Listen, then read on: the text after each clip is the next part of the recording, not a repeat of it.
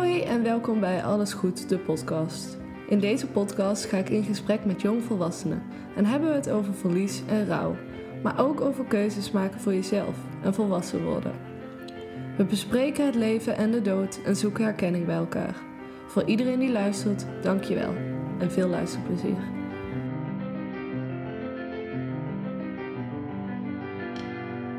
De eerste vraag is altijd hoe we elkaar kennen.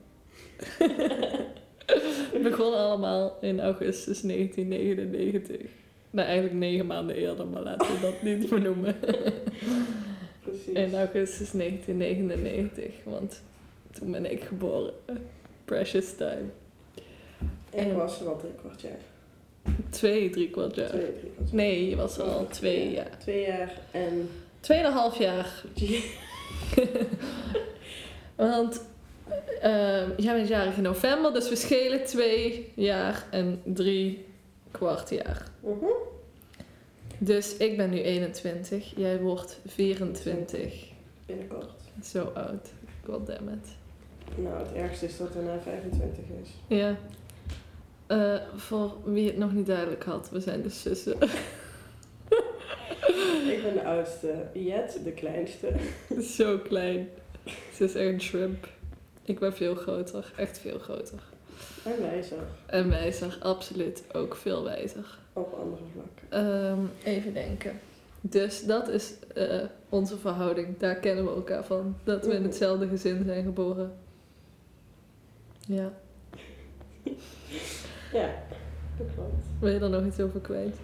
Nee, het was één groot feest. Toen ik geboren werd, ja, vond ik ook wel leuk. Er was zelfs een maan-eclipse. Er was zelfs een eclipse. Zo. Ja, inderdaad. Nee, een Zons- zonsverduistering was er. Ja. Ja, precies. Dan moet er wel een bijzonder iemand zijn geboren. ja, en onze ouders hebben mij dus Jujube genoemd. Ze hebben jou Vio Orange genoemd. Ja, ik Heb- denk Vind jij dat ik- jij het meer hebt getroffen? of Ik vind dat ik het toch meer heb getroffen. Ja, daar zijn we het wel over eens. Virage, oh, ik moet Vio zeggen, sorry. Die heeft er heel vroeg Vio van kunnen maken, wat nog best vrouwelijk is. Nou, vroeg, half Nou ja. de middelbare school. Ja, oké. Dus eh, nu is het gewoon Vio. Ze heeft zich toch losgetrokken van de Orange. Behalve in het gezin, als we hier thuis zijn. Ja, ik zeg Virage. Dat kan ik niet uitzetten. Eh, ja, maar ik probeer wel als ik het over je heb richting anderen eh Vio te zeggen. Want het zal wel heel geforceerd voelen. Ja, is niet leuk. Maar daar ben ik toch wel dankbaar voor. Ja, maar dat is hetzelfde dat jij... Nee, want jij zegt altijd chup. Ik help jou ook wel. Als Iedereen ik jou zegt altijd introduceer naar nieuwe mensen, dan zeg ik ja, eigenlijk is het jujube. Ja, Maar wij zeggen jujube, dat is makkelijk. dat is makkelijk. Dat is bier. jupilair. Ja, dat zeg ik echt vaak. Maar het probleem is in Parkstad is dat dus jupilair. Dus Bas was zo van... In het noorden ook. Is echt erg. Jupilair. Het is toch echt jupilair? Ja, weet ik veel. Het is toch Belgisch? Ja, maar Je zegt toch shh? misschien Nee. is het toch iets lustig. Ik weet het ook niet. Eh, nou ja, je bent uitgenodigd in de podcast. Omdat je ook binnen de leeftijdscategorie valt. Nog net. Nog net. 18 tot en met 25. Hebben we het maar grof gekozen. Ik als autonoom autoriteit van deze podcast. Ja. En ehm, ja, het was een beetje raar om een podcast te maken over de dood. En dan niet mijn Schwester, die daar ook mee te maken heeft gehad, te vragen. Dat zou een beetje krom zijn. Dus dat moest Dat is wel sociaal wenselijk. Ja. sociaal wenselijk. Was wel een drempeltje. Best een hoog drempeltje. ja. Ook wel niet. Maar ik ben gewoon een angsthaas met alles. Ja, ik ook. Nou, ik, voor mij was het ook een drempeltje. Ja. Ja, jij bent ook een angsthaas. I know. Ik denk dat jij het misschien nog wel spannender vindt dan ik. Ja, dat denk ik ook. In ieder geval, oké. Normaal hebben we, gaan we het gewoon hebben over wat er is gebeurd en wat je dacht, voelde, et cetera. Maar ja, wat er is gebeurd, dat is een beetje dat weet ik ook. zeg.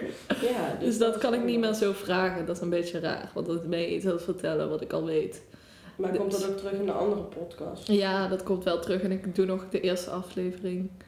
Ja, is een soort wel. mini eh, vijf minuten eigen verhaal vertellen. Oh, oké. Dus het is al duidelijk, semi. Maar wat wel interessant is, we hebben een ander ehm, pro- eh, traject qua hulp zoeken. Daar kan je wel wat over vertellen. Oké, wat bedoel je dan precies? Nou, oké, we gaan het even chronologisch doen. Anders wordt het verwarrend. Ehm, even denken. Nou, we hadden die hele maand met de begrafenis regelen. Of nou, begra jawel, was wel begrafenis. Begrafenis regelen. Thuiskomen, et cetera. Mhm. Toen ben jij kort daarna meteen naar de EMDR gegaan. Jij dacht, dealen met het trauma. Let's go. Ja. Was dat fijn?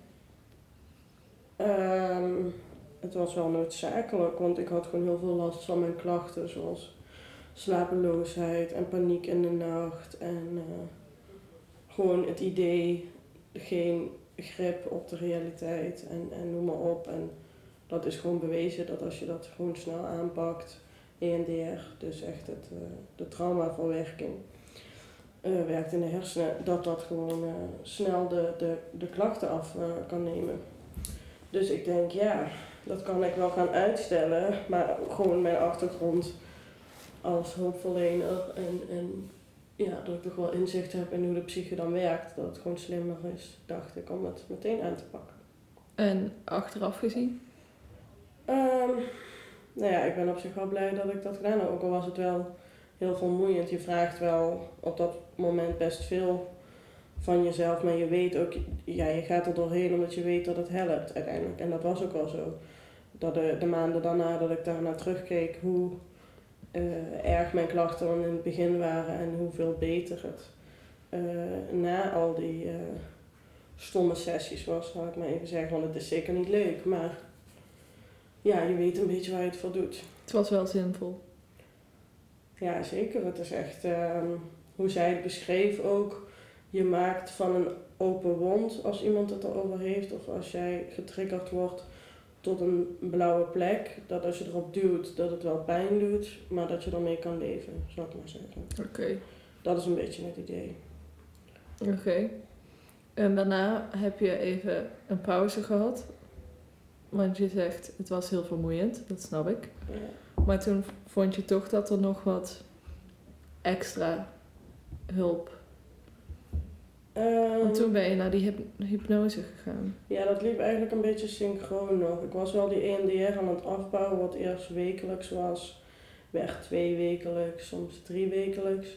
Maar EMDR werkt eigenlijk niet als je langer dan twee weken ertussen doet. Ik weet niet Hmm. precies waar dat mee Ja. te maken heeft. Maar je moet dat blijven stimuleren blijkbaar, voor Oh, de werking gek. daarvan. Ehm, maar ik merkte dat ik er zelf inderdaad eh, minder ruimte voor had. Ook omdat ik toen weer met school bezig was. Ehm, en ook denk ik behoefte had aan iets meer, iets anders. Ehm, omdat de EMDR wel heel erg op dat, eh, op dat traumaverwerking zit. En dan meer de hersen- en gedragsprocessen die daarbij komen kijken. Dus echt het verminderen ehm, van die eh, paniekklachten en dat soort dingen. ja. Maar niet zo de andere dingen die daar nog bij komen kijken. En dat ik eigenlijk nog steeds niet echt positieve ervaringen met water had. En daarvoor heb ik dus die hypnotherapie ingezet. Ehm, Ja, en heeft dat zo aan de dijk gezet? ja, eigenlijk wel. Want zij... Het is heel wazig hoe het werkt hoor. Ik weet ook nog steeds niet of ik er helemaal in geloof. Maar er gebeurde wel iets in, in die zin... eh, dat die in die, je gaat in een soort van trance, hij telt echt af en je zit in een stoel en je denkt alsof je er gewoon bent. Maar hij maakt je ook weer wakker en dan voel je je eigenlijk ook pas weer echt wakker. Echt apart. Maar ik kan me wel alles herinneren en ik ben er wel gewoon bij. Hmm. Maar alsof het, ja, een soort van toch ander deel van jou is wat dan op dat moment eh, gestimuleerd wordt of zo. In die zin, je gaat dus, eh, we hebben vooral gewerkt aan ehm, de positieve ervaringen met water weer oproepen. Omdat ik ook best wel veel last had van mijn dat ik mijn geheugen heel erg kwijt was. En ik denk eerder dat dat, eh, dat trauma blokkeert dat een beetje, dat deel de Mhm. hersenen. Dat is Mhm. ook wel bekend. Ehm, en hij heeft eigenlijk wel, dan ga je best wel diep graven. Zoals bijvoorbeeld mijn eerste zwemles en hoe leuk ik dat vond. En vakanties in Ja, Italië. want van ons tweeën ben jij echt zoveel meer de waterrat dan ik. Ja, precies. En dat was echt een beetje Weg. weg. En dat vond ik heel zonde, want ik had zoiets van, ik hou niet van leven met angst en ik wil dat ook niet meer. Mhm. En ook met het vooruitzicht toen nog dat ik naar Australië ging. Ja, dan wil je En niet eh, in een eh, prachtige zee. oceaan. Ja. Dat ik daar dan geen last van eh, zou hebben. Dus Ja. dat was het hele idee. En dat heeft wel echt, dat heeft wel echt geholpen. Ehm, ja, en of je er gelooft in of niet, heeft ook een beetje zo je leren gronden, wat krachtiger worden. Ik moet wel zeggen dat het leek op dat moment eh, alsof het wel werkte. Mhm. Maar je krijgt ook oefeningen mee naar huis om dat dan een beetje vol te houden en zo. Maar ja, dat heb ik natuurlijk weer een beetje laten gaan. Ja, dat is moeilijk om het Ja. thuis te doen. En nu ben je toch weer bij een gewone psycholoog gegaan. Ja, niet bij dezelfde als ik ging, want dat, dat vond ook de mijne een beetje spannend met dat je gewoon niet, dan ga je niet onbevooroordeeld ergens in, en Nee. familie, et cetera. Dus ze had iemand ehm, ehm, aangeraden. En dat is meer, waarom wil je dat nu gaan doen? Want dat heeft dus eigenlijk minder met het daadwerkelijke trauma, maar meer met rouw. Ja, dat ook wel, maar ook een beetje preventief en eh mij in de gaten houden. Gewoon een beetje mijn eigen proces in de gaten houden, omdat ik nu een stagejaar inga waar ik er heel erg met mijn therapeutschap bezig ben en met het helpen van andere mensen. Mhm. Eh, maar daarin ook mijn eigen grenzen moet bewaken en mijn, ja, mijn persoonlijk proces, zou ik maar zeggen. Ja, En aangezien je gewoon 10 sessies gratis krijgt uit de basis, dat is waar. leek me dat gewoon wel een fijn idee om iemand te hebben die ook een beetje op mij let. En niet alleen op mijn schoolcarrière of zo, maar ook hoe Ja. het persoonlijk dan gaat. Ja, ik denk dat het een goede keuze is. Ja. En ook iemand die je een zetje kan geven als je eh, jezelf voorbij loopt. Ja, precies. Ehm, ja, want dat is gewoon soms heel moeilijk om zelf te zien als je er altijd in zit. En dan denk je dat je vaak goede keuzes maakt of niet. Maar ja, het helpt. eh, en zij is best wel direct, dus dat drukt mij dan ook wel op de feiten. ja. vaak. ehm, of ik nou te snel door wil rennen of wat dan ook. Of, ja. Dus Dus daar dat ben je blij mee. ja, we hebben nu alleen een intake gehad, maar dat gaat dan lopen. En dat zal dan om de twee weken zijn, zoiets. Maar dat is ook wel fijn, want het hoeft voor mij niet wekelijks Vaker. en heel Mhm. intens te zijn. Maar eh, Mhm. ja, zo af en toe even. En je zegt nu dat je weer gaat beginnen aan school, want ehm, jij bent ook net als ik, eh, ja, of ik ben half gaan studeren, jij bent helemaal gestopt omdat je toen net eh, sowieso vakken moest doen, eh, ook over rouw geloof ik. Dus dat zat je ze helemaal niet op te wachten op dat moment. Mhm. Plus het was helemaal in Nijmegen en wij wonen in Maastricht, dus het was ook gewoon heel onhandig. Ja. Was die keus makkelijk om te maken om even te stoppen? Eh, nou ja, ik was op dat moment stage aan het lopen met cliënten, dus ik voelde me gewoon totaal, ik voelde me sowieso niet mezelf. En ik voelde me al helemaal niet eh, verantwoord eh, therapeut om daar met mensen te gaan werken. Mhm. Dus ik had meteen zoiets van die stage moet ik stoppen. En eigenlijk daarvoor zat ik ook al wel, ik deed toen al een half traject, omdat ik zelf een beetje al burn-out klachten had. En toen kwam dit er bovenop, zou ik maar zeggen. Dus dan was ik eigenlijk gewoon helemaal uitgeschakeld. Mhm. En was die keuze eigenlijk wel vrij makkelijk om te laten gaan. En inderdaad, dat vak van dat rouw, dat was nog een herkansing wat ik eigenlijk in die periode wilde doen. Maar toen had ik zoiets van, nou meid, wat ga je eigenlijk aandoen? Dat lijkt Ja, me niet helemaal niet zo'n idee. Omdat ehm, drie maanden nadat je vader is overleden en, Nee. een, periode van rouw te gaan doen. Mhm. Had ook wel wel gekund, maar dat was nog, eh, dat was op dat moment te veel en te vroeg. Dus dat heb ik even gelaten. En uiteindelijk ben je van, eh, zeg maar van school gewisseld naar dezelfde opleiding en nu ga je hier verder. Dat voelde ook als een logische keus.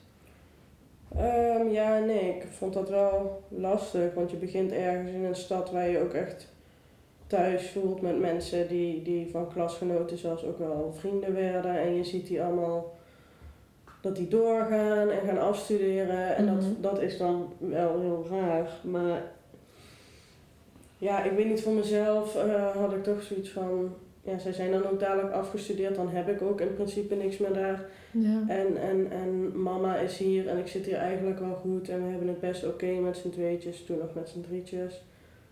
Ehm, ja, dat is wel heel fijn. En, en wat ook wel belangrijk is, als je ook wil studeren en, en van alles, dat je de thuissituatie ook ja, een beetje rustig houdt en, en Mhm. ja, als thuis. Ja, mee eens. En je zei al inderdaad drietjes en toen met z'n tweeën. Want ik ben in eh, oktober 2019 eerst drie maanden naar Canada, of twee maanden naar Canada gegaan. Toen liet ik jullie achter. Ja, dat was de try-out. Dat was de try-out. Ja. Heb, heb je daar nog... Ik vond dat heel lang duren, best wel. Toen Ja. al dat jij weg was. Was ook lang. Voelde ook Eh, lang. voelde bijna langer dan, dan dat we dat daarvoor of zo ervaarden als we wel eens. Ik bedoel, er waren ook wat dingen dat we elkaar ook minder zagen. Ook. Ja. Dat ik in Nijmegen was en dan heb ik dan nooit zo, zo ervaren of zo. Ja, dat was wel raar op zich, vond ik. Maar ja, je moet dan heel erg met z'n tweeën je ritme en je moet Mhm. je weer vinden of zo. Ja. Een andere dynamiek als dat, eh, als dat jij er ook bij was. Ja. En Cas. Ja. En uiteindelijk ben ik in maart uit weer opnieuw uit huis gegaan. Had je dat, vond je dat kut? Of stom? Uit huis gegaan. Ja. Ja. Uiteindelijk in maart ben ik toch naar Delft Oh, verhuisd. jij. Je Ik, hè? Ja. ik dacht dat je bedoelde ik. Oh, ik denk nee. wel, hè. Ja, dat was wel... Nou ja, het was wel goed, denk ik, dat we dat daarvoor dus al een beetje die try-out hadden gehad. Ehm, dat we, en dat je daarna ook wel even er was, dat was op zich wel fijn. ja. Natuurlijk. Ja, en, eh, en het, is, het is niet anders. Ik bedoel, ehm, ik denk dat het ook wel vooral heel goed was voor jou. Niet zo voor ons, maar... ehm, ik Ja. denk dat jij daar heel erg aan toe was en, en ja. ja, ik was, het was ook ook... wel een klein huis, misschien toch met z'n drieën. Weet je, we zijn wel Ja. mensen, we waren eigenlijk, ik was al gewend helemaal niet meer thuis te zijn. Precies, ja, ik ook niet. hadden hele andere levens. Ik was gewoon heel erg al de minute dat ik in Amsterdam op mezelf woonde, dacht ik, oh ja, dit is wat ik al die tijd waar ik voor ging, zeg maar. Lof op mezelf wonen gewoon. Mhm. Ja. En toen was gewoon de logischere keuze om even terug te verhuizen. Sowieso omdat ik echt geen energie meer had voor Amsterdam. Ehm, maar daarna ook ehm, ja, wilde ik ook gewoon geld sparen en wist ik ook niet helemaal wat ik met mijn leven aan het doen was. En toen kwam Canada en dat was gewoon eh, voor mij persoonlijk een heel erg goed idee. En ook gewoon, ja, ik had niet echt een plek waar, of ik kropte, nou niet heel bewust dat ik dingen opkropte, maar ik was ook niet heel actief aan het rouwen. En mama bijvoorbeeld wel. En dat zorgde gewoon voor heel veel irritatie en spanning ook. Dus het moest op een gegeven moment ook gewoon om de lieve vrede te bewaren.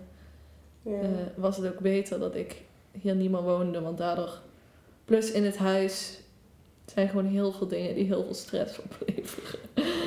Omdat mama gewoon een hoorder is.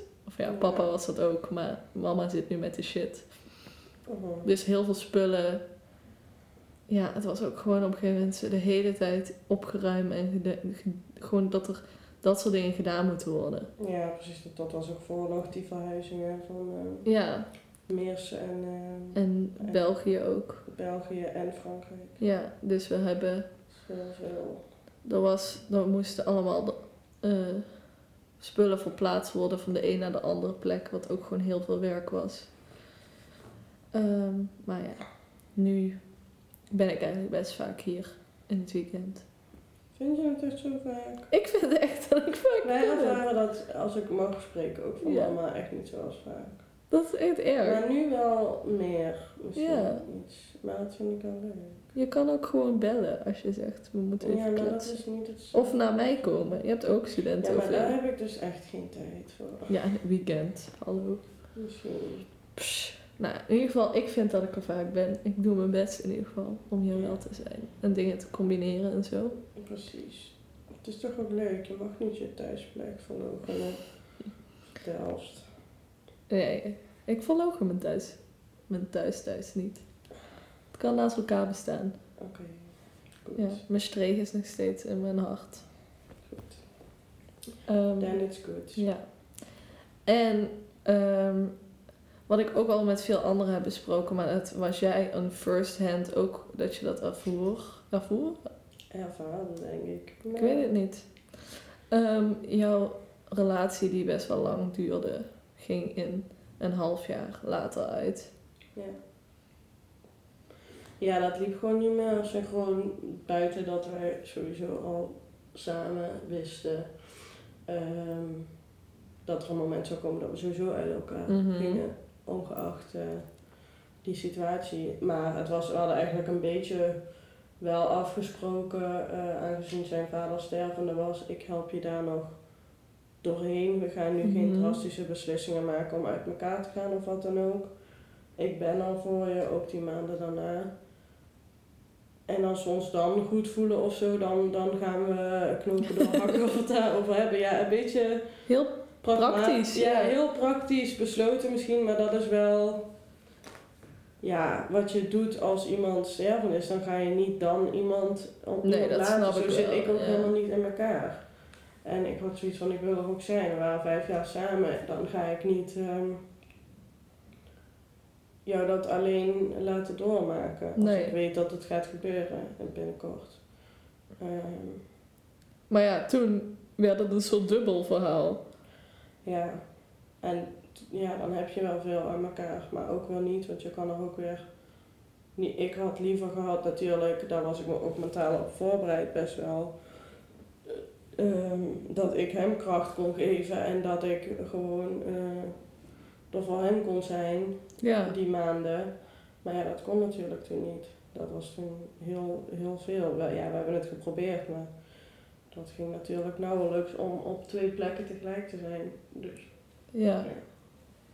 Ja, en ik heb het ook al met anderen erover gehad dat je gewoon een soort emmertje hebt gevuld met water. En als die helemaal gevuld is met jouw verdrietwater, dan kan er ook geen ander water meer bij. En als jij nou Nee. Niet je eigen verhaal had gehad, was die emmer misschien wat leger geweest, waardoor zijn water erbij kon.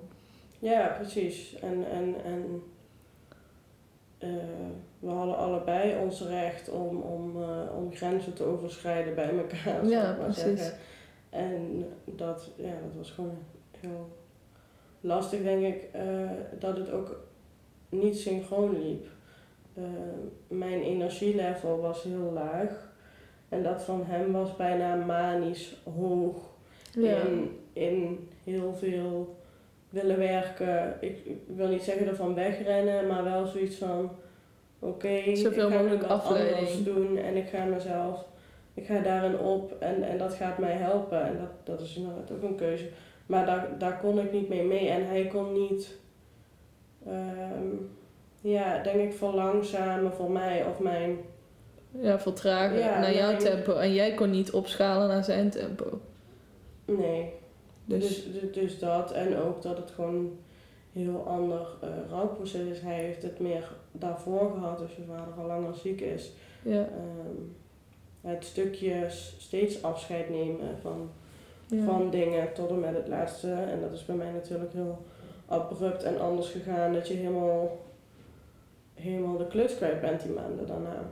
Ja. Dus ehm, ja, dat werkt niet. Twee rouwprocessen eh, door Nee. elkaar. En toen ging het uit. Ja, in principe wel oké. Maar dan heb je toch Gewoon wel ook liefdesverdriet naast Ja, heel erg. rouw. Ja, dat is een beetje zo verdriet wat er dan nog bovenop komt, Ja. verlies. Maar je hebt ook zoiets van, oh nou, dat kan er nog wel bij. Ja. Of zo, je wordt er een beetje cynisch van. Ja. Ja, en toen eh, de enige copingstrategie was denk ik heel veel werken en uitgaan en drinken. Maar Op dat moment. Altijd de gezonde keuze. Altijd de gezonde keuze maken. Ja. Wel fijn dat je het zelf ook inziet. nee, Ja, dat is toch prima. Ik denk wel dat het oké hoor. is. Zo, ja, dat denk ik eigenlijk ook wel. Het, ik- Dat het niet zoveel uitmaakt hoe je ermee dealt als je er maar je, ja, je moet En tegelijk liep wel gewoon die EMDR door en was ik echt wel met mijn processen bezig. Ja.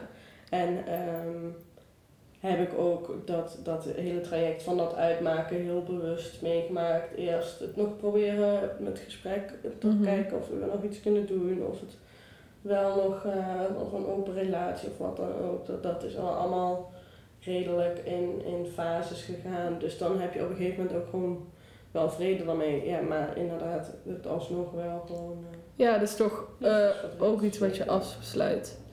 En vond je het dan daarna met bijvoorbeeld gewoon, weet ik veel, Tinder dates of in de stad... mhm. Voelde je dat je een soort sticker op je voorhoofd had of negeerde je gewoon alle... Als in single? Nee, als in Als halve wees, zeg maar. Al- Als in eh rouwende. Ja. Of liet je, negeerde je dat gewoon? En vertelde je Ik daar denk niks dat over? ik me in dat leven juist weer heel normaal probeerde te voelen. Mhm. En met de nadruk op probeerde te voelen, want ja, anderen hebben dat denk ik niet door. Ik kan heel goed dan, ik kan ook wel me dan daar in die afleiding komen en, en, en me normaal voelen. Maar eigenlijk achteraf had ik wel altijd zoiets van ja, je bent eigenlijk gewoon een beetje aan het wegrennen. En, Mhm. en dan besefte ik het weer en dan ging ik wel weer met mijn dingetjes aan de gang. En zo was dat een soort van dubbel leven of zo. Ja. Maar ja, het was wel uh, afleiding zoeken wat ook oké was hoor. Ik denk wel dat ik me dat zelf mocht gunnen. Ja, Eh, denk ik ook wel. eh, want eh, tegelijk is zo'n ENDR, eh wat gewoon maar doorliep, gewoon wel zwaar. En je hebt dan ook gewoon, het, het ging me ook vooral gewoon om het dansen en het lekker harde muziek. En gewoon even niet daarmee bezig zijn. En weet je, je bent gewoon 23 en al je vrienden zijn jong. Dus je wil ook gewoon je ding doen en door en niet alleen maar thuis zitten en je moe voelen en, en niet fijn. Dus ja. Het was de goede keus. Ja, wat soms misschien een beetje escaleren, maar Ach ja, ja. dat is niet zo erg. toch? nou, phew. Ik Ja. wist niet dat er een optie was dat je er niet zou zijn, maar oké. Ehm, Nee. Ja, en nu heb je een soort nieuwe relatie. Ja, En maar het duurde wel lang. Is meer Los- dan een jaar. ja, meer dan een jaar. Nou ja, lang, lang. Je moet maar net iemand tegenkomen. Ehm, Ja, klopt. Nou ja, hoeft niet heel erg in detail te gaan, want dat is misschien ook raar voor de jongen in kwestie. Maar eh, over het algemeen, ehm, wat mij daar moeilijk aan lijkt, is dat hij eh, papa niet heeft gekend. Ja. En dat hij hem moet leren kennen via jouw verhalen, of onze verhalen, of ons huis, anekdotes. Mhm. Snap je wat ik bedoel? Ja. Hoe was dat? Zeker in het begin, want dan heb je een soort, moet je een soort baseline. ja, ik denk dat dat ook nog niet helemaal aan bod is. Misschien ook omdat hij denkt dat ik dat niet wil. En dat ik meer bij hem ook weer de afleiding zoek of zo. Mhm. Dat, kijk, sommige mensen vinden het ook gewoon heel moeilijk om erover te hebben en Ja, naar te vragen. Ja. En zijn dan eigenlijk nog meer met mij bezig dan, dan wat zij zelf willen. Of dat het voor mij prettig zou zijn of wat dan ook. ja, Dus ja, ik weet niet. Het, dat is nog niet zo heel veel aan bod gekomen. omdat jij dat niet wil. Ja, ik ben niet zo snel dat ik heel veel ga vertellen, maar tussendoor wel dingen. Mhm. Kom ik wel met herinneringen of wat dan ook als, dat, als het ergens over gaat. En dan op die manier, ehm, ja, kan ik wel. Ja, ik denk ook niet dat je moet gaan zitten en, of ja, als je daar behoefte aan hebt, be my guest. Maar ik vind jou in ieder geval niet de tip, tippen, type die gaat zitten en gaat zeggen van, we gaan het er eens even, we gaan even het hele levensverhaal doorlopen. Nee, precies. Nee. Dus dat snap ik ook, maar ehm, ja, het lijkt me toch gek. Ja, het is heel gek. Het voelt ook. eh, ik heb wel vaak de neiging om te zeggen van, oh, dat, dat, dat moet je echt met mijn vader bespreken. Of weet je wel, zo'n Mhm. soort dingen vond ik ook Mhm. grappig. Dat, eh, als, weet ik het, oh, maar oh, daar, daar weet ik niks van, maar dat heeft mijn vader wel geweten of zo. Bijvoorbeeld hadden we het over de olijfboom. We Ja, hebben die olijfboom in de tuin staan. Oh, van welk gebied komt die? Zeg ja, geen idee. dat, Toen, Weet, die, nee. toen mijn vader hem kocht, waarschijnlijk, ja, tuurlijk weet hij dat welk gebied Ja, en wat maar- voor soort, maar dat is gone nu. Dat, eh, Ja, misschien Dat weet mama het, dat weet ik niet. Maar ja, ja. zoiets of zo dat dat sprake komt. Oké, dus zo ziet het er nu uit. Ja, zo ziet het er nu een beetje uit. En heb je wel eens foto's laten zien? Nee, ook nog niet echt, eigenlijk. Maar misschien omdat ik zelf het foto's kijken ook niet heel prettig vind. Mhm. Ik ook Dus niet. dat ik dat zelf ook nog niet echt doe. Ik moest dat van de therapeut doen. Ja, ik weet ook wel dat ik dat wel moet doen. En dat ik het soms ook wel probeer. Als ik weet van, als ik in mijn filmschool, of in mijn vlug, filmrol scroll, dat is echt moeilijk. scroll, dat ik weet van, oh, nu komt er daar een foto en dat ik dat wel bewust, eh, ja, probeer te doen of zo, dat dat wel gaat. Maar, ja, ik weet niet, ik denk dat het wel kan. Maar, ja, ik weet niet, dan moet ook een soort van interesse en ruimte bij de ander zijn om dat dan Mhm. weer eh, toe te laten. Want ik, oh, ja, ik hou er niet van als het dan zo vlug of tussendoor. En ja, dat lijkt me dan niet heel prettig of zo. Nee. En bijvoorbeeld bij ons thuis op de wc hangt een foto. Heb je dan daar, dat is wel, een, eh, daar is hij heel jong, zijn wij ook heel jong. Vind je dat dan, is dat zo'n, zou je die dan eerder negeren?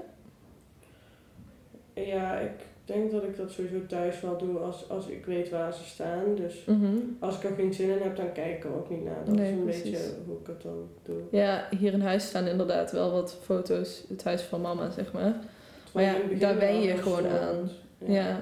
En ik, vind het, ik voel dat wel een beetje terugkomen als er dan weer nieuwe mensen in het huis staan. Ja, En dan staan die foto's daar zo best wel aanwezig. pontificaal. Ja, en dan heb ik echt zoiets van, oké, dit had ik eigenlijk... Want dan heb ik toch het idee dat ik er iets over moet zeggen. Maar Ja. ja, ja dat staat hier. Ja, dat is nog wel opvallend. Zelf vind ik het ook niet heel prettig. Nee. Eh, maar voor de rest in je dagelijks leven, ja, loop ik een beetje zo omheen. En die, die, eh, die collage van meerdere foto's Ja. die in de serie staan. Dat prikbord. Ja, die, eh, die attackt me wel. Vaker als je daar, want als je daar dan zit op de laptop, Ja. dan komt hij zo schuin oog. langs mijn scherm. eh. en ik heb wel eens dan dat ik, dat ik me inderdaad echt omdraai. en Dat ik het andere, ik heb ook het ding al omgedraaid. En dat ik Eh, dan echt een soort snap van ik. sorry tegen het prikbord. Ik Maar ik heb nu echt geen zin in. Of ik kan het nu, ik, kan, ik heb er nu gewoon geen... Want dan ga ik dadelijk de hele middag weer janken en dan komen we ook niet verder met mijn schoolopdrachten. Ja. wijze van. Ja, maar jij bent wel van ons tweede betere huilert. Weet ik niet, ik moet dat wel heel erg inplannen. Wat, wat ook wel iets is wat eh alle Maar- 3D-therapeuten zeggen. Je moet daar wel ruimte voor maken Ja, en maar kan je- kan het jou ook overvallen? Jawel, maar dan voel ik het wel aankomen dat ik dan al, al een aantal dagen me heel groot heb gehouden. En dan, Mhm. dan, dan, als dan iets triggert, maar het heeft ook een beetje met je menstruatiecyclus te maken. Ja, sowieso. En als ik eh, hormonaal ben, dan is het sowieso geen, eh, geen, geen aan om, eh, om het hoog te houden, want dat lukt toch niet. Ehm, ja, ik, nee, ik ben dan wel. Ik ben misschien wel de betere huiler van ons twee. Dat ik, het mak, dat ik makkelijker er bij het gevoel ben. Of zo, maar ik moet het wel. Moet het, Ook toelaten. letten, ja. Ja. Het Bijhouden. Ja. Heb jij daar dan zoveel moeite mee? Ja. Ik ben geen huiler. Eigenlijk nooit. Zelden. Echt Behalve toen zelden. je jong was en ik je pijn deed, zogenaamd. Ja, en toen ik, ik heb wel een fase gehad dat ik bijvoorbeeld ging huilen als we bij opa en oma waren en papa en mama gingen dan vliegen. Ja, dat. Dat ze dan weggingen en dan was het echt na vijf minuten weer goed. Was ik gewoon vergeten dat ze... Misschien heb jij alles in je jeugd. het is gewoon op. En ik huilde ook als ze bij de peuterspeelzaal, als ze weggingen. En niet zo zinnig ook, nee. Nee. Dus dat, ja, ik denk dat het toen allemaal opgegaan is. Ja, Eh, nou, dat weet ik niet. Maar als je alleen thuis bent, dan kan het wel. nee. Ook niet. Nee. Dat is het hele Maar probleem. van wie ben je dan groot aan het houden? Mezelf. Dat is toch gek? Als je weet Ja. dat er niemand en dat je de uren hebt om... Dan, dan nog. Dan nog kan je het niet. Ja, van de psycholoog moest ik op een gegeven moment een timer zetten en zo van 10 minuten en dan foto's gaan kijken. En dan op, op zich Het een beetje proberen op te roepen. op te roepen. En op zich lukt dat wel eens, maar ook niet altijd. En dan na die 10 minuten ging de timer af en dan was het klaar. En dan ben je er ook echt klaar mee. En dan denk Ja. je echt, ik ga nou wat anders doen. Ja, dan denk ik, moeilijk. Ik ga mijn gezicht wassen, opmaken en wegwezen. Ja, oké. Dus daar zit nog heel veel ruimte in voor verbetering. Ja, als je het idee hebt dat er dat je toch opkropt, dat is gewoon niet heel gezond. Maar nee. En en en en. nou ja, toen ik laatst die paniek zo in die nacht had, toen ik het niet kon plaatsen, toen had ik ook gewoon even dat ik gewoon dat ik het heel eng vond. Hmm, maar dat is misschien toch wel Maar dat is weer een ander soort hel, denk ik. Het is meer paniek. Mhm. Maar dat is denk ik wel nauw verbonden. Ja, ja, dat zeg jij altijd. Jij zegt ook altijd, bijvoorbeeld, ik heb heel erg moeite soms met het juiste woord zeggen, Eh, zeg maar. Dus dat ik gewoon, gisteren zei ik, de hele tijd had ik het over stoplichten en ik bleef stopcontact zeggen.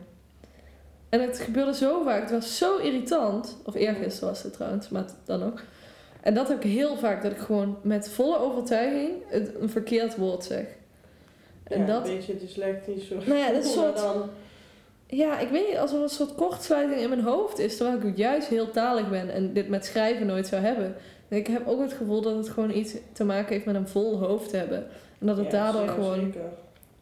een beetje druk is in mijn hoofd en dat het daardoor gewoon niet altijd correct naar buiten komt. Mhm. Ja, daar heb ik sowieso heel veel last van ook. ja, En dat, dat is wel meer eh, dan dat het was. daarvoor. ja, want jij bent van jezelf wel al een beetje verstrooid. En een Ik ben, eh, dat komt ook door die chaotisch. dyslexie, dat Ja. mijn, mijn eh, signaaltjes niet even snel gaan Ja. allemaal. Dat ik het in mijn hoofd al scherp heb, maar dat het er anders uitkomt, dat sowieso. Ehm, maar zo het woorden kwijt zijn ook. En dat je gewoon je minder capabel voelt in je, in je cognities. Dat is, dat is toch wel heel duidelijk. Het overvol zijn, maar ook het oververmoeid.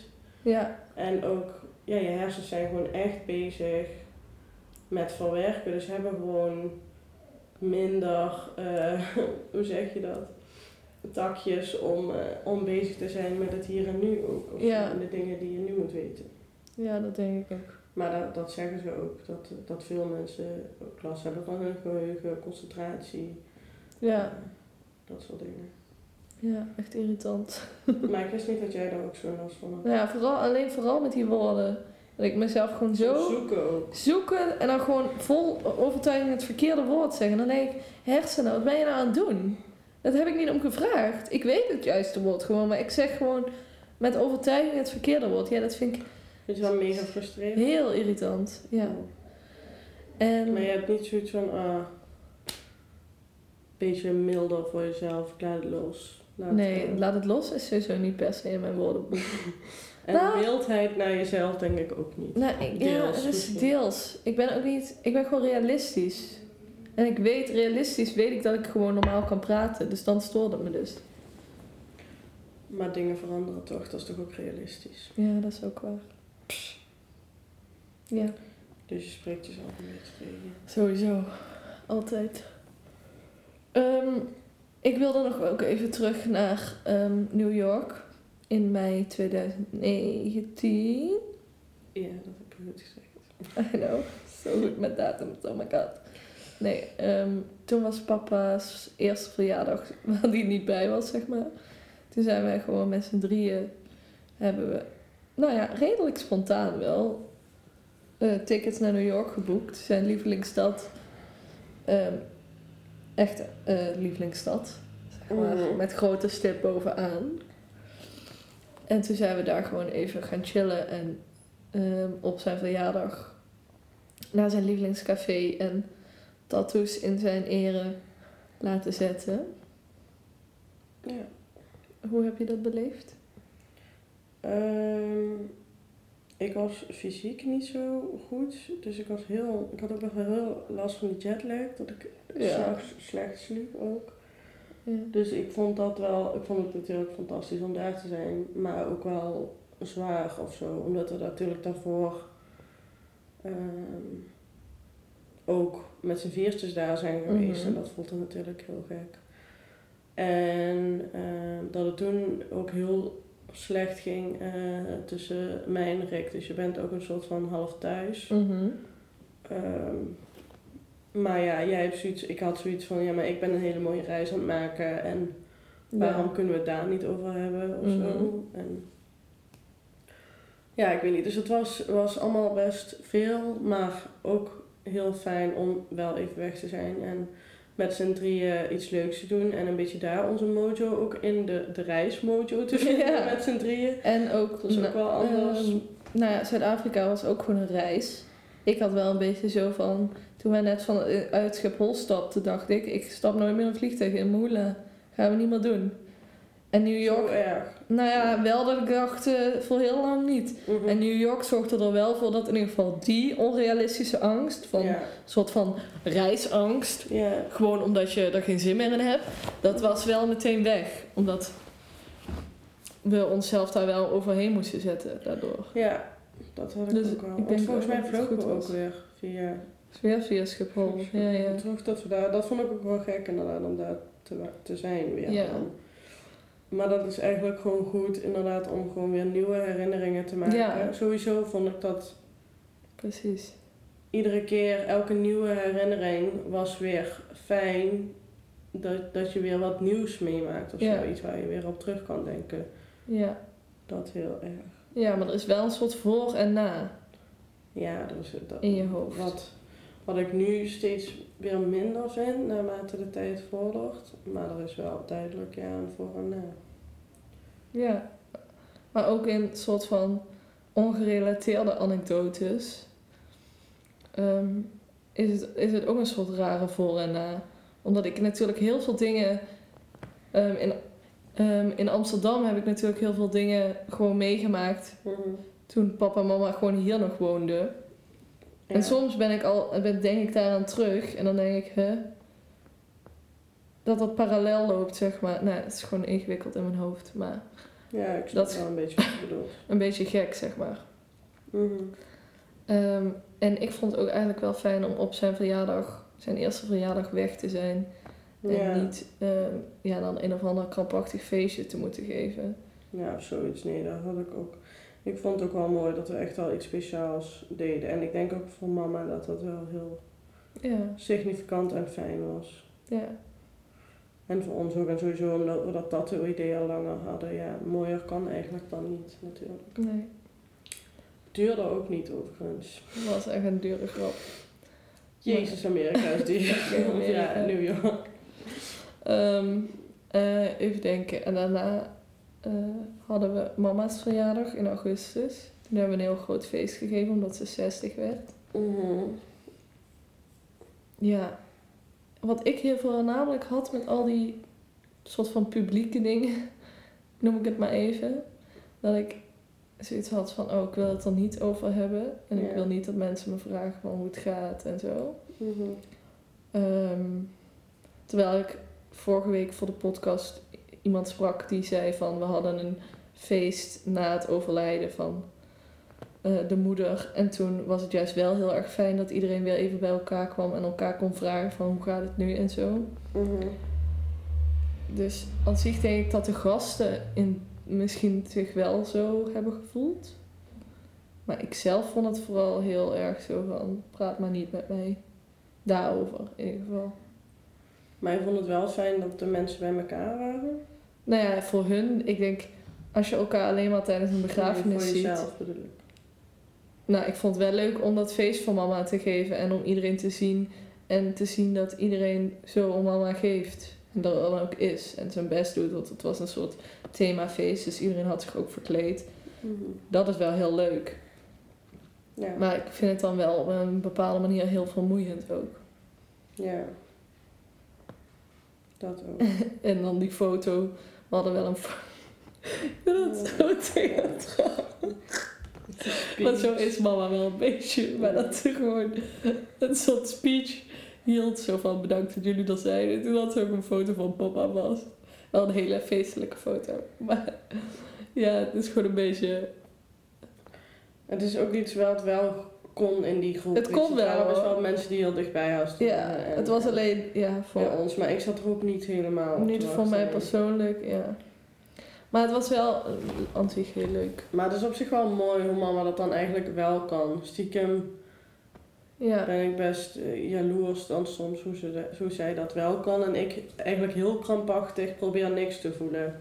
ja Ook op dat soort momenten me heel vlak. vlak te houden. Maar het is ook wel een soort van copingstrategie, omdat ik anders denk dat ik het ook echt Ja. niet trek hoor. Ja, En ik er gewoon niet van hou met mensen waar ik niet echt behoefte aan heb, om Mhm. daar dan me heel kwetsbaar tegenover op te Ja. stellen. Maar goed, je hebt ook zoiets van misschien brengen ze wel wat moois. Dan mensen ook wel die, dat, er wel een fijn gesprek kan zijn, maar dat, dat geloof ik dan toch niet zo, dat ze me kunnen helpen daarin best. ja en ook...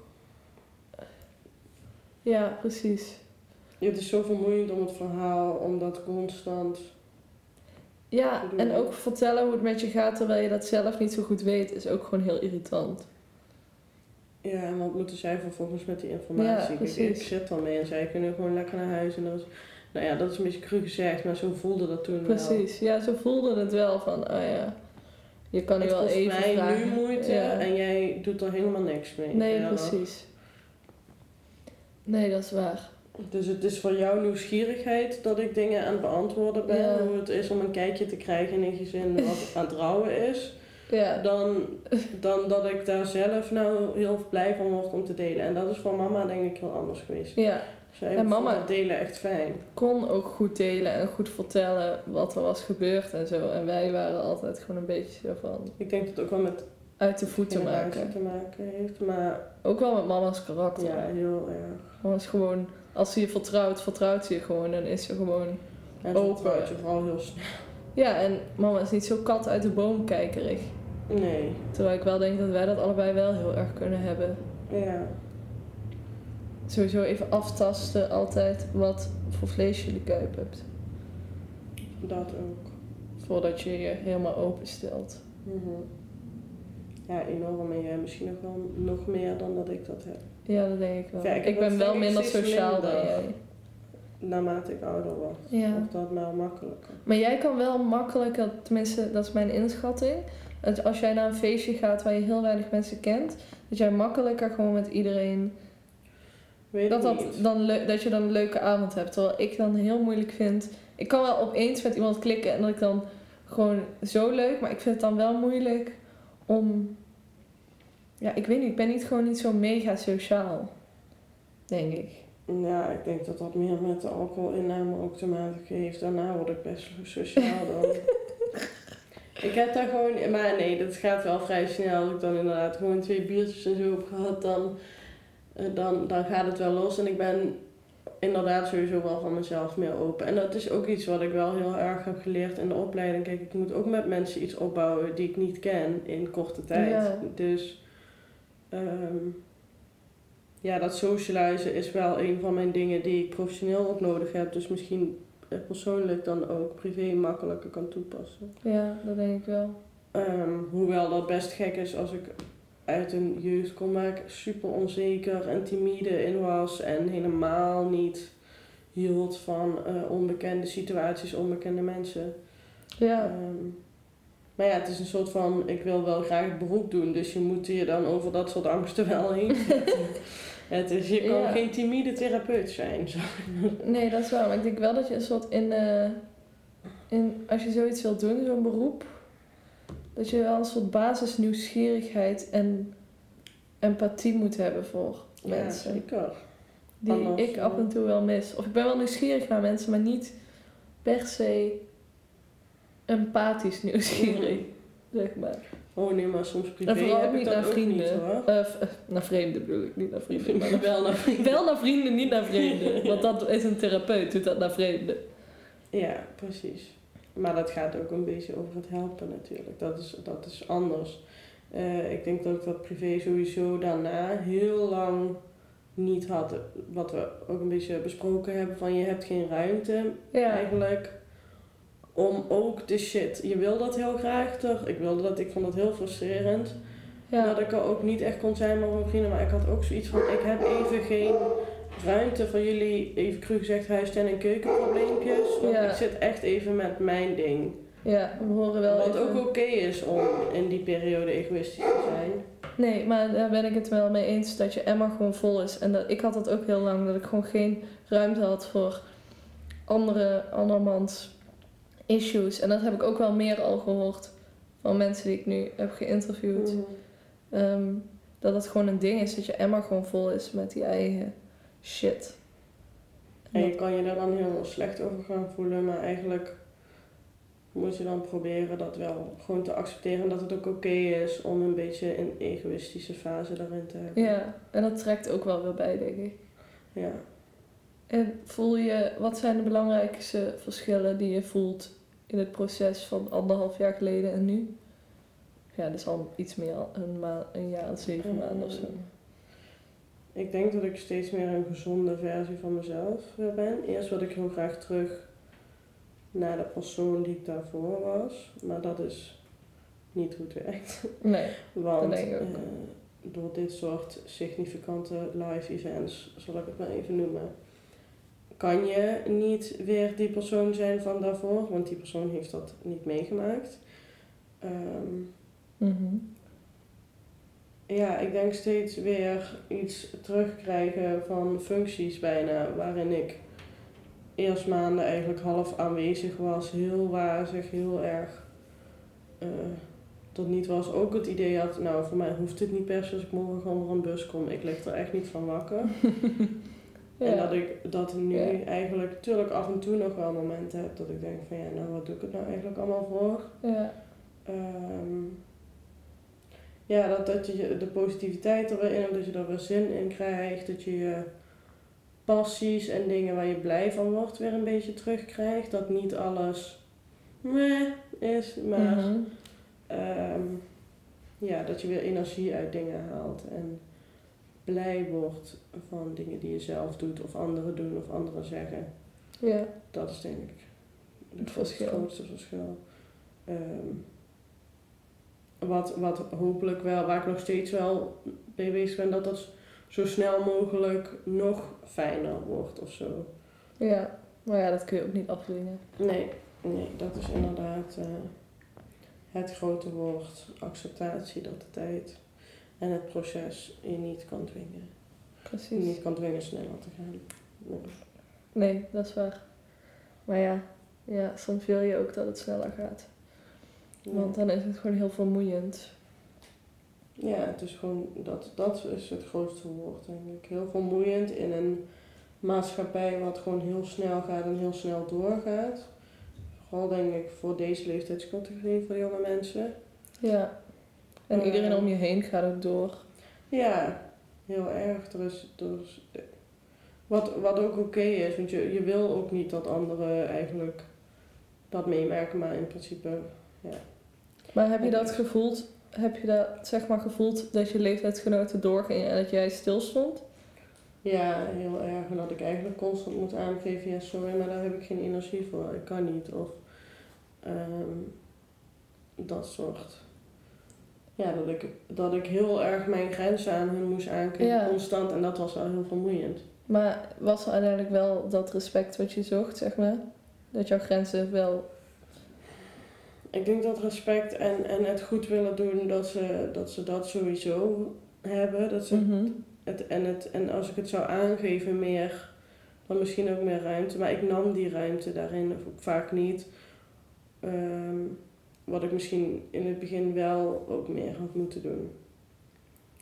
Ja, ik weet, het was in het begin wel heel erg, maar dan meer zo als het zo het jaar daarna en die, en die Ja. maanden daarna. Zou ik, maar zeggen, ik vond het tweede jaar nog bijna daarin lastiger, want dan heeft iedereen echt zoiets van we hebben het normale leven weer Ja. opgepakt of zo.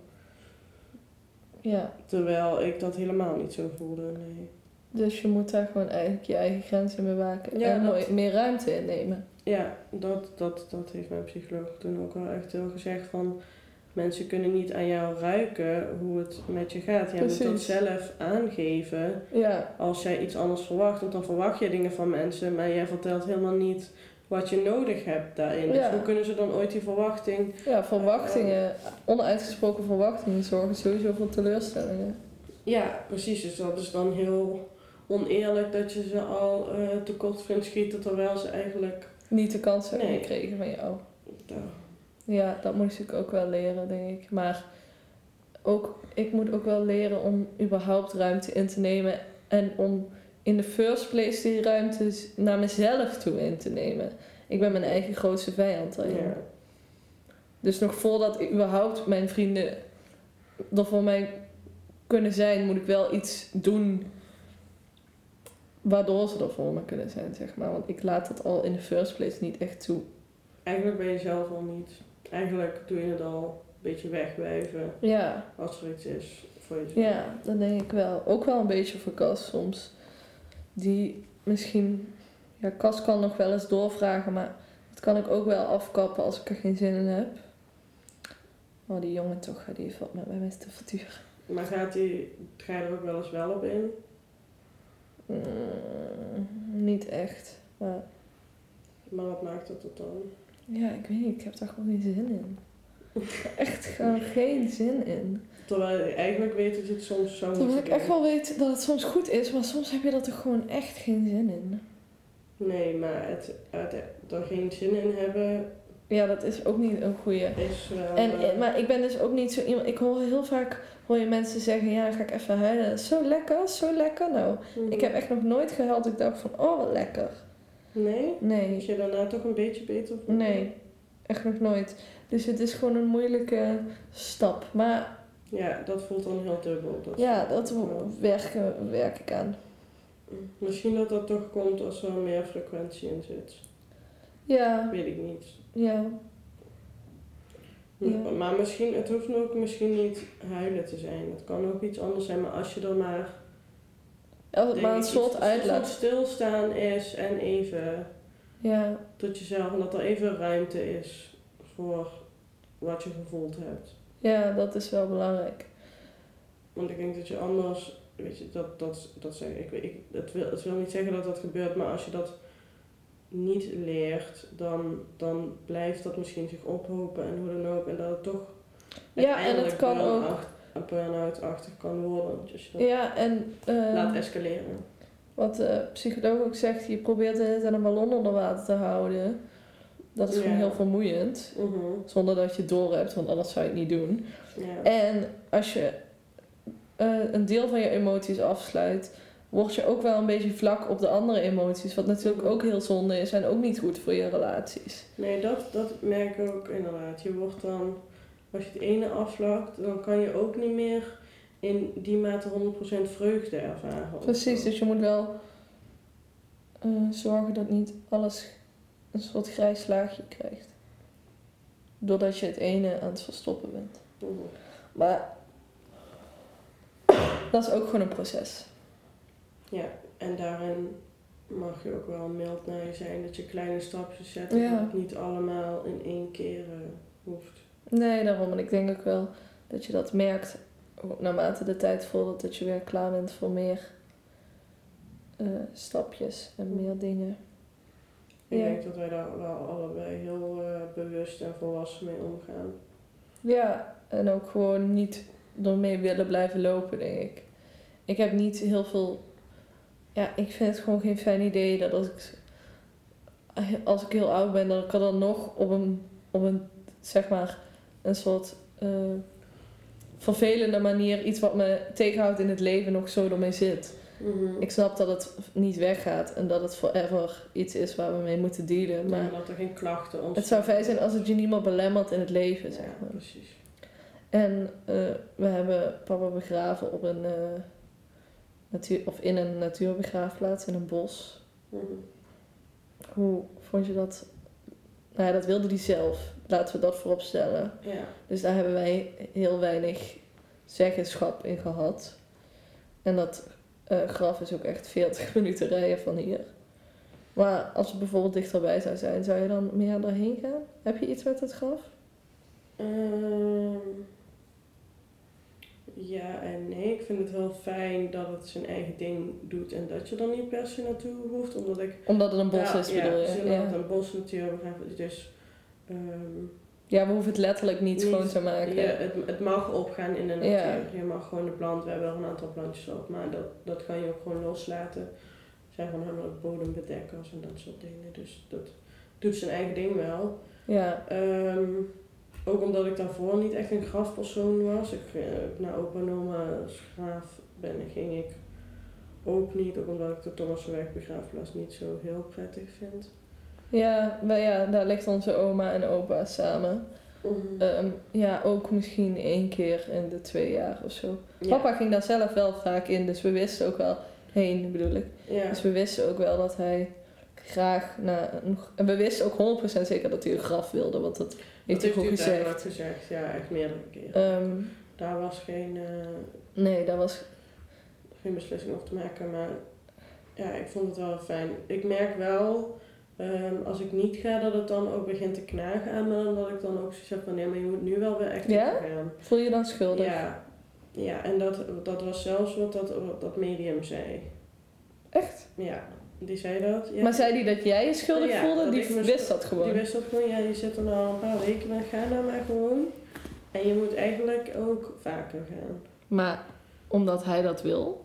Wat Ja, was haar argument? Maar ook omdat ik me er niet Ja, dat is de enige eigenlijk goede reden. Want ik vind niet dat hij vanuit het hier, hiernamaals nog druk mag uitoefenen op ons. Nee, dat is waar. Dan had je maar niet door moeten gaan. Precies. ik. Ja. Eh, nee, maar voor mezelf dat ik het wel prettig vond. En dat ik het ook wel heel sneu vond hoe verwaarloosd ik de plantjes en het, het gebeuren toen aantrof. En dat ik het wel heel fijn vond dat het daarna weer netjes was. Mm, ja. Ehm, Ja, ik zit daar daarmee echt niet mee. Met het graf. Dat dat daar... Ik denk, ja, als ik daar een keer kom, dan kom ik daar. Maar het is en heel ver rijden. Mhm. En, nou ja, ik ben altijd als ik er ben, is het zo van... Ja, ik loop er even heen. Ik plant één plantje. Ik, eh, ja, het is een beetje... Mhm. een raar uitje. Ik weet niet, ik kan het gewoon niet helemaal duiden wat ik, wat ik daar dan doe. Ja, ik weet niet. Ik probeer, dat is dan een van die momenten dat ik het ook heel bewust toe dan probeer te laten. En dat het dan daardoor ook mag zijn. Maar jij was toch laatst met Maar een ja, nieuwe vriend gegaan. Ik wil even zijn naam niet zeggen, Oh, want dan ja. is het zo publiekelijk hoe die heet. Volgens mij heb ik ongeluk al Heb je zijn naam al gezegd? Ik weet niet. gezegd. Ik probeer zo min mogelijk namen te zeggen. Ja, maar- dat is wel slim. Ehm, ja, daar had ik dus ook... eh, het was meer ook mijn eigen behoefte dat ik wilde gaan. Maar ik vond het Mhm. natuurlijk ook wel fijn om dat te delen of zo. Maar toen, ik merkte wel van dan kan ik niet...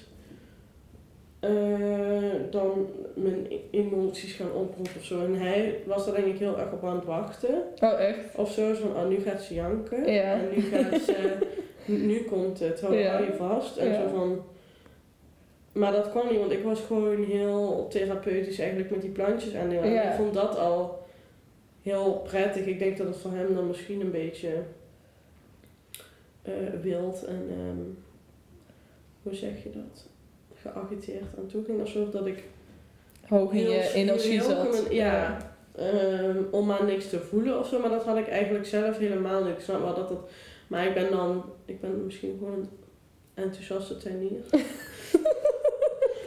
Weet ik niet. Eh, maar dan moet het, dat, dat gaat dan ook gewoon snel. En ben daar gewoon dan mee bezig. En Farah was aan het piepen. Dus je hebt ook van, er zit een bepaalde tijdsdruk op. Ja. bij ons. Dus ja, dan, dan doe ik dat gewoon even efficiënt of zo. Eh, ja, ik weet niet, dat was wel een rare ervaring dat, dat iemand dan verwacht weer dat je heel emotioneel gaat zijn of zo, maar dat dat niet per se dan hoeft. Ja, maar... ehm, Maar misschien wel weer op een ander moment als ik daar ben, dat dat wel prettig is. ja. Weet ik niet. Ik vind het wel op zich wel een fijne plek, maar ook nog steeds best surrealistisch als ik die Ja. steen dan zie. Ja, en ook, ik had het hier volgens mij met Jules over. Ik weet niet, iemand van de podcast mensen. Ja, volgens mij met Jules, maar ehm, dat wij daar nou afgelopen verjaardag, dus we hebben twee verjaardagen gehad. Nu in mei was er weer een verjaardag, was coronatijd. We dachten, ja, in, we kunnen geen feestje. Ja, dus dat kan niet in huis, dat mocht niet. Dus toen zijn we met klaptafeltjes met onze, eh, zeg maar, twee tantes eh, van papa's kant en nog de Ja. tante en ooms, zeg maar, die daarbij horen. De zus van moeder. Van moederskant, zeg maar, allemaal met ons eigen klaptafeltje en vlaai. Eh, heel corona-proof wel, maar Mhm. daar gaan zitten. En toen zei ik ook, ja, dat is toch te, te gek voor woorden dat, dat, dan, dat je daar dan zo zit en zo bent van, even vlaai eten bij het graf. Ja, het is te raar. Ja, het is, het, is, het is bijna komisch. Ja, dus dat heb ik sowieso een beetje met het graf. Het, ja, het voelt allemaal als Het dat soort zo van- komische momenten. Ja, Maar- het is een rare. Ik weet niet, dus sommige vond ik ook niet heel prettig, maar dat ik wel eh, het fijn vond dat mama het heel fijn vond. En dan, dan is het Ja. daardoor weer fijn, Ja. of zo. Of, of toch Ja. het samen zijn, soort van. ja, dat was op zich wel goed. Dat we daardoor... En het is ook gewoon... Ja, ik denk dat een uur in huis ook prima was geweest. Maar nu heb je wel een plek om naartoe te kunnen als je daar behoefte Ja. aan hebt. Precies, en dat is, het is wel een fijne plek. Ja, dat is wel een mooi bos. Nou ja, Farah vindt het dus niet zo fijn. Nee, Farah, die, ze is heel even ze vindt het heel onrustig. Ze is altijd, terwijl ze gewoon, als we nu gewoon buiten lopen, piept ze Maar als je aan het lopen bent over het terrein, Dan is het ook oké. Ja, we weten niet Maar helemaal waarom ze zo onrustig is. Daar ook vooral. Ja, dat heeft ze buiten nooit. Daar kan ze gewoon stilzitten. Hoe lang je wil. maakt niet uit. Maar daar ze het- ze ja. echt, ik weet niet of honden de spirits voelen. Ja, misschien. Zo, zo lijkt het Het echt medium Ze van wel. echt aan janken. Echt, echt. Ja. We zijn dus ook. Ehm, allebei naar hetzelfde medium geweest. Jij en mama stonden daar eerder voor open dan ik. Mhm. Want ik dacht, enge business. Eh, en ook gewoon, ik vertrouwde het niet helemaal. Of ik geloofde het niet helemaal. Nee, ik was ook heel sceptisch hoor. Maar uiteindelijk, wat vond je van die ervaring? Want hoe vaak ben je geweest? Twee keer? Of drie keer? Twee keer Dat met mama en één keer alleen? Zoiets heb ik in mijn hoofd. Ik denk misschien wel drie keer samen. En Ja. één keer alleen. Maar ah, wat vond je daarvan? Wat haalde je daaruit? Ehm vaartjes weer. piepen. Ja. In het begin was het heel erg ehm, dat ik nog best wel veel vragen had aan hem en dat ik daar ook verwachtingen van had toen Ja. het nog niet gegaan was. Dat ik toch wel iets moest horen, dat ik daar niet door kon. Of hij oké was, oké was met zijn dood. Ja. Of hij daar een beetje oké was ja, aangekomen. Ja, het slaat nergens op. Maar Nou ja, als dat jouw idee daarbij Ehm, is. Ik had zoiets van, ja, ik mag dit soort dingen gewoon ook denken als het mij gaat helpen. Laat gaan. Ja, boei, ik, ik bevind me toch niet in de realiteit voor mijn gevoel. Dus het, en Ja. het medium vindt dat ook niet raar. Nee, nee, nee. Dus dat we, en, en, en, en ook omdat ik zelf heel erg de boosheid voelde van het hele gebeuren. Ehm, dat ik dat, dat, ja, zo van waarom ben je dood, waarom ben je op die manier dood Ja. gegaan, dat soort waarom eh, is dat ons gegund, eh, Gegund. nou, nou niet gegund, dus Overkomen. overkomen, waarom Ja. moet dat, waarom moet dat op die manier. Ehm, dat ik heel erg zocht eh, naar die boosheid dat, dat, dat hij dat eigenlijk ook niet had gewild. Maar dan krijg je het antwoord, Hij is ja, wel prima. Ja, en hij vindt het fijn. super gezellig daarboven. Ja. Waar, waar, waar- Whatever. ik noem is. het even Maar- daarboven. Ja. Maar, ehm, ja, maar vond ja, je dus dat, antwoord... Wat vond je van, van dat antwoord? Wilde je eigenlijk... Eigenlijk Dat hij ook boos was. Nog steeds. Want toen had ik echt zoiets van, ja leuk. Maar wat als hij ook, zeg maar... la- we gaan even in dit gedachte-experiment wel ervan uit... dat zij echt contact met hem heeft. En dat ze dus echt weet wat hij Mhm. voelt. Ja, wil je dan echt dat hij boos is? Het lijkt me heel vervelend om het hiernamaals nog Ik boos denk te dat zijn. ik gewoon even mm, wilde horen hoe kut het voor mij was en dat hij dat niet bedoeld had. Ook Ja, kan dat ik had hij... Ja. zelf ook wel, maar op dat Ja. moment niet. Dan heb je echt Nee, nee, van, dat ik. wat is dit? Maar daarna is het natuurlijk heel prettig, want je hebt echt zoiets van, ja, als je dan doodgaat, dan gaat het ook godverdomme wel heel prettig zijn. Ja, dat hoop je dan. Dat je dan dus ook vrede hebt. Je mag toch hopen dat we het daarvoor doen, zal ik Ja. Zo'n beetje Ja. dat. Dat ik dat wel eh, uiteindelijk. En van mama was het vooral ook heel troostend. Dus dat vond ik ook wel helpend. ja, maar jullie durfden dat wel best wel snel. Ik dacht echt, ik durf dat echt niet. Ik Ja, heb ik het echt pas een jaar later gedaan of zo. Want ik vond het echt een beetje een eng idee. Maar je hebt wel een beetje meegekregen. Ja, ja, En jullie vertelden wel. Ja, ik op zich Iets mee. Nou ja, ik denk dan gewoon van ja. ehm, interessant, maar ik, kan het, ik geloof het ook niet 100%. Ehm, omdat het gewoon zo ongrijpbaar is. Ik weet niet, ik vind het gewoon echt moeilijk te begrijpen. Ja, en die, die, dat dilemma, daar zat ik ook heel erg mee van hoe ik wil het heel graag geloven en ik haal er dingen uit. eh, maar eigenlijk ook helemaal niet en is het totale bullshit. Zo Ja. dat, dat, Daartussen, ja, nee, daarom. Dus dat is gewoon ingewikkeld. maar van de andere kant had ik ook zoiets van, dan, eh, je mag er ook gewoon de dingen uithalen die jou troost bieden. Wat zij ook zegt van, ik ben ook een beetje een eh, spirituele coach. Het moet helpend zijn, het moet fijn zijn. Als het niet helpend is en, en je hebt er niks aan. Mhm. En het, het roept eigenlijk alleen maar vragen op en je wordt gewoon rustig van. Dan heeft het inderdaad ja, geen dan zin voor jou. Eh, een beetje meebewegen is eh, als je daar voor open... Ja, en je moet er een beetje, toch wel een beetje voor openstaan en wil het helpend zijn. Ja, dat denk ik ook.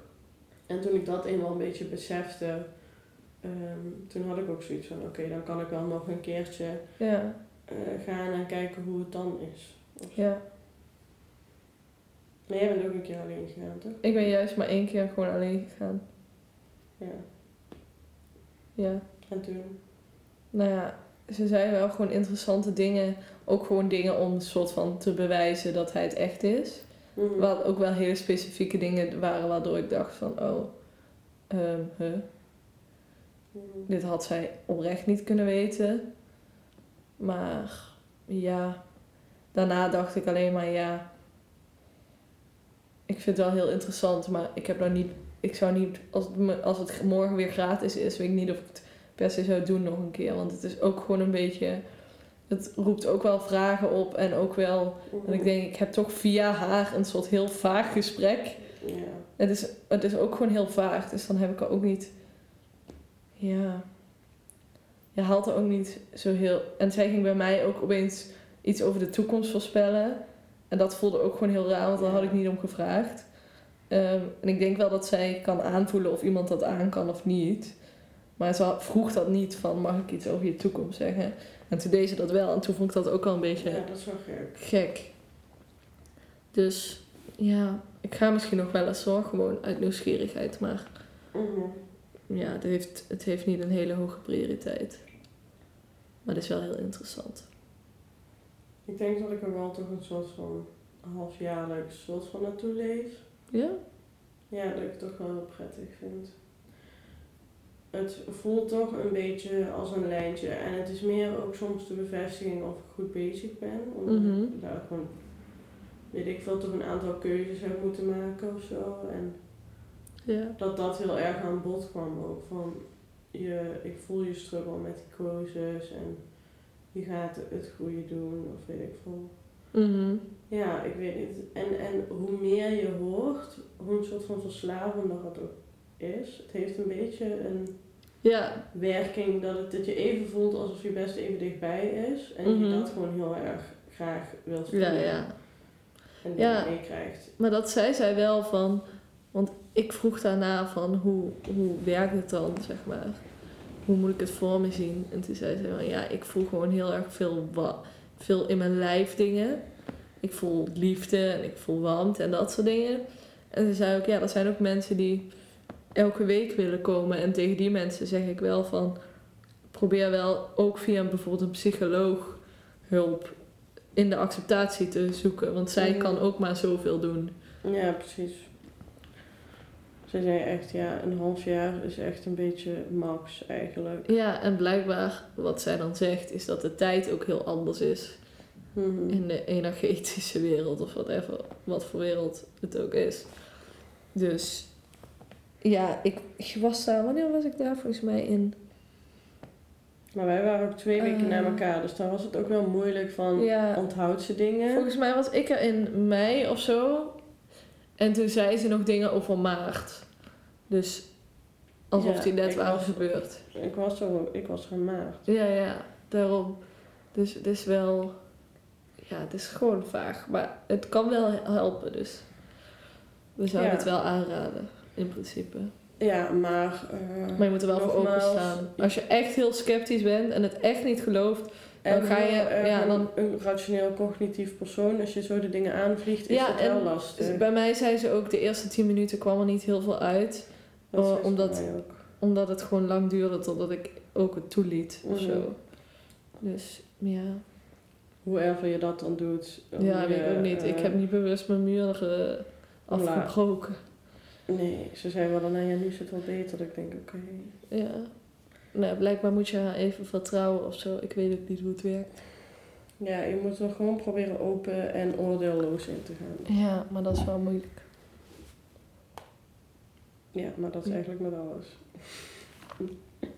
Dat is waar. Sowieso wel een dingetje. Ja. Wat vind je van eh, mijlpalen als in je eigen verjaardag, zijn verjaardag? Eh, nou ja, kerst is dan sowieso altijd een beetje dubbel. Of ja, altijd. We hebben er pas één gehad. Eh, weet ik veel, vaderdag, dat soort dingen. Ben je dan extra zwaarmoedig? Of verdrietig, of whatever, welk woordje je teruggeeft. ja, ik denk het wel. Het, het is gewoon, ik denk dat meerdere mensen dat wel ervaren. Op de significante momenten merk je gewoon nog meer dat iemand er niet is, omdat je dat normaal gesproken samen viert. Ja. natuurlijk. Ja, Ehm, dan, dan in het alledaagse leven. Zodat dat ook vaak momenten zijn dat je even stilstaat bij een letterlijke mijlpaal of een diploma of zoiets Ja. wat je bereikt hebt. En teruggaat naar ehm, alle herinneringen en hoe je daar dan gekomen bent of zo. Dus dat, dat voelt dan heel vreemd als een significant iemand daar dan ook niet is. ja, En, en, en in het begin had ik ook heel veel last van, ik mag helemaal geen vreugde voelen. Ehm, ik moet altijd in de rouw en in het verdriet Ja. zitten. wat ook niet echt realistisch is. Nee, dat, dat is het niet. meer. En ook niet echt een hele prettige manier van leven. Nee, precies. En het, het kan ook nooit meer hetzelfde zijn, want, want het eerste jaar sowieso, waar ik de feestdagen echt niet prettig vond, Ja, en best wel zwaar, ja, heb ik dat nu wel minder, denk ik. ja. Dat dat beter wordt. Maar nooit meer echt eh, hetzelfde of zo. Nee, dat kan sowieso niet. Ik, de- nee, ik denk niet de, hoe, hoe happy wij alle feestdagen altijd hadden, dat, dat gaat niet meer Nee. zo zijn. Nou ja, totdat je misschien je eigen gezin hebt en het anders, dat het weer een soort andere setup wordt. het- ja, maar precies. zolang je het oude probeert te imiteren, dan mist er gewoon niet. Ja, precies. Ja. Ja, en wij hebben van vaderdag hebben wij zusterdag gemaakt. Dus eh, Ja, dat was wel een goed initiatief van jou. ja, dank je. Schouderklop, Ik ja, weet het was mezelf. nog juni, toch? Wel? Ergens in juni, ja. Ik weet Dat precies. scheelt een beetje. Altijd rond. ehm, Tweede week van juni of zo, geloof ik. ja, precies. En moederdag is daarvoor. Ja, Moederdag was altijd rond papa's ja verjaardag. zo'n dus we 15, hadden altijd 15 mei, mei, of ja. zo, weet ik veel, zoiets. Precies. Maar zusterdag dus, doe dat op de vader- of moederdag. Dan heb je toch iets, semi iets te vieren. Siblingdag. Siblingdag. Ja, Of met je huisdier, wat je sibling is. ook leuk. Ook leuk. Alleen die geeft niet heel veel terug, behalve wat knuffels. Ja. Ja, toch iets vieren of zo. Ja, Dat is wel. het helemaal, ja. Negeren is denk ik sowieso niet gezond. Nee, je kan het maar beter. Recht in de ogen aankijken. Ja, dat Ja. is dramatisch gezegd. Oh, Ja. Maar dat is wel waar. Nee, ja, ja, gelijk. Oké, bedankt. Bedankt voor het luisteren naar deze allerlaatste aflevering. Ik heb in totaal acht afleveringen gemaakt. Dit was de allerlaatste met mijn zus. Ehm, ik wilde even van de gelegenheid gebruik maken om iedereen die mee heeft gedaan te bedanken. Zonder jullie was dit nooit zo'n eh, waardevol project geworden. Niet alleen voor mij, maar ook voor andere mensen die het hebben geluisterd.